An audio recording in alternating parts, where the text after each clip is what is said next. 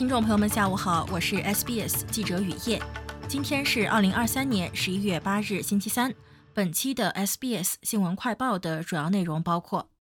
：Optus 通信服务部分恢复，信号中断原因尚不可知；太平洋岛国论坛反对党敦促总理关注地区安全；澳联储升息至百分之四点三五，反对党质疑政府反通胀政策。以下是新闻的详细内容：Optus 通信服务在澳大利亚全国范围内中断近九个小时，数百万用户和企业无法连接互联网或拨打电话。Optus 通信服务于今早四时左右中断，其发言人表示，部分通信信号从下午一点左右开始恢复，但是可能需要数小时才能恢复全面信号覆盖。Optus 首席执行官罗斯马林在接受澳广 ABC 采访时表示，尚不确定是何原因导致服务中断。网络安全专家对此表示，全国范围内的 Optus 服务中断凸显了澳大利亚通信网络的脆弱性。Optus 是澳大利亚第二大电信运营商。2022年9月，由于公司数据系统遭到破坏，Optus 发生大规模数据泄露事件。近一千万 Optus 用户的个人信息被盗。反对党敦促总理阿尔巴尼斯在库克群岛参加太平洋岛国论坛领导人会议时，将地区安全作为优先事项。阿尔巴尼斯将与来自十八个太平洋岛国的领导人共同商定二零五零年蓝色太平洋大陆战略的实施步骤。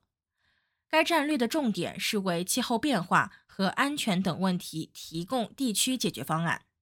自由党参议员伯明翰表示，澳大利亚各界政府在向太平洋岛国传递其国防利益方面做得很好，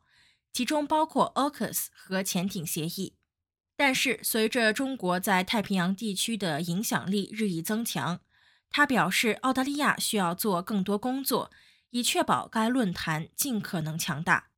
他说：“令人担忧的是，阿尔巴尼斯政府试图与太平洋岛国签订新安全协议的许多努力都已经停滞不前。总理的首要任务是解决这些安全协议的束缚，使其最终生效并获得批准，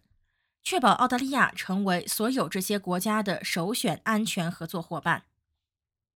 在澳联储决定将现金利率提升到百分之四点三五之后，联邦反对党继续批评阿尔巴尼斯政府在控制通胀方面做得还不够。澳联储行长布洛克昨天宣布将官方现金利率上调百分之零点二五，这也是澳联储为应对通货膨胀的第十三次加息。反对党财政部长休姆在接受天空新闻采访时表示，降低通胀是政府政策的问题，联邦政府应正面应对。但是，代理总理马尔斯则为联邦政府的做法予以辩护。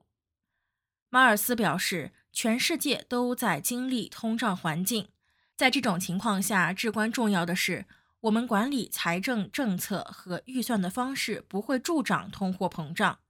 这就是为什么我们做了自由党从未做过的事情，即实现预算盈余。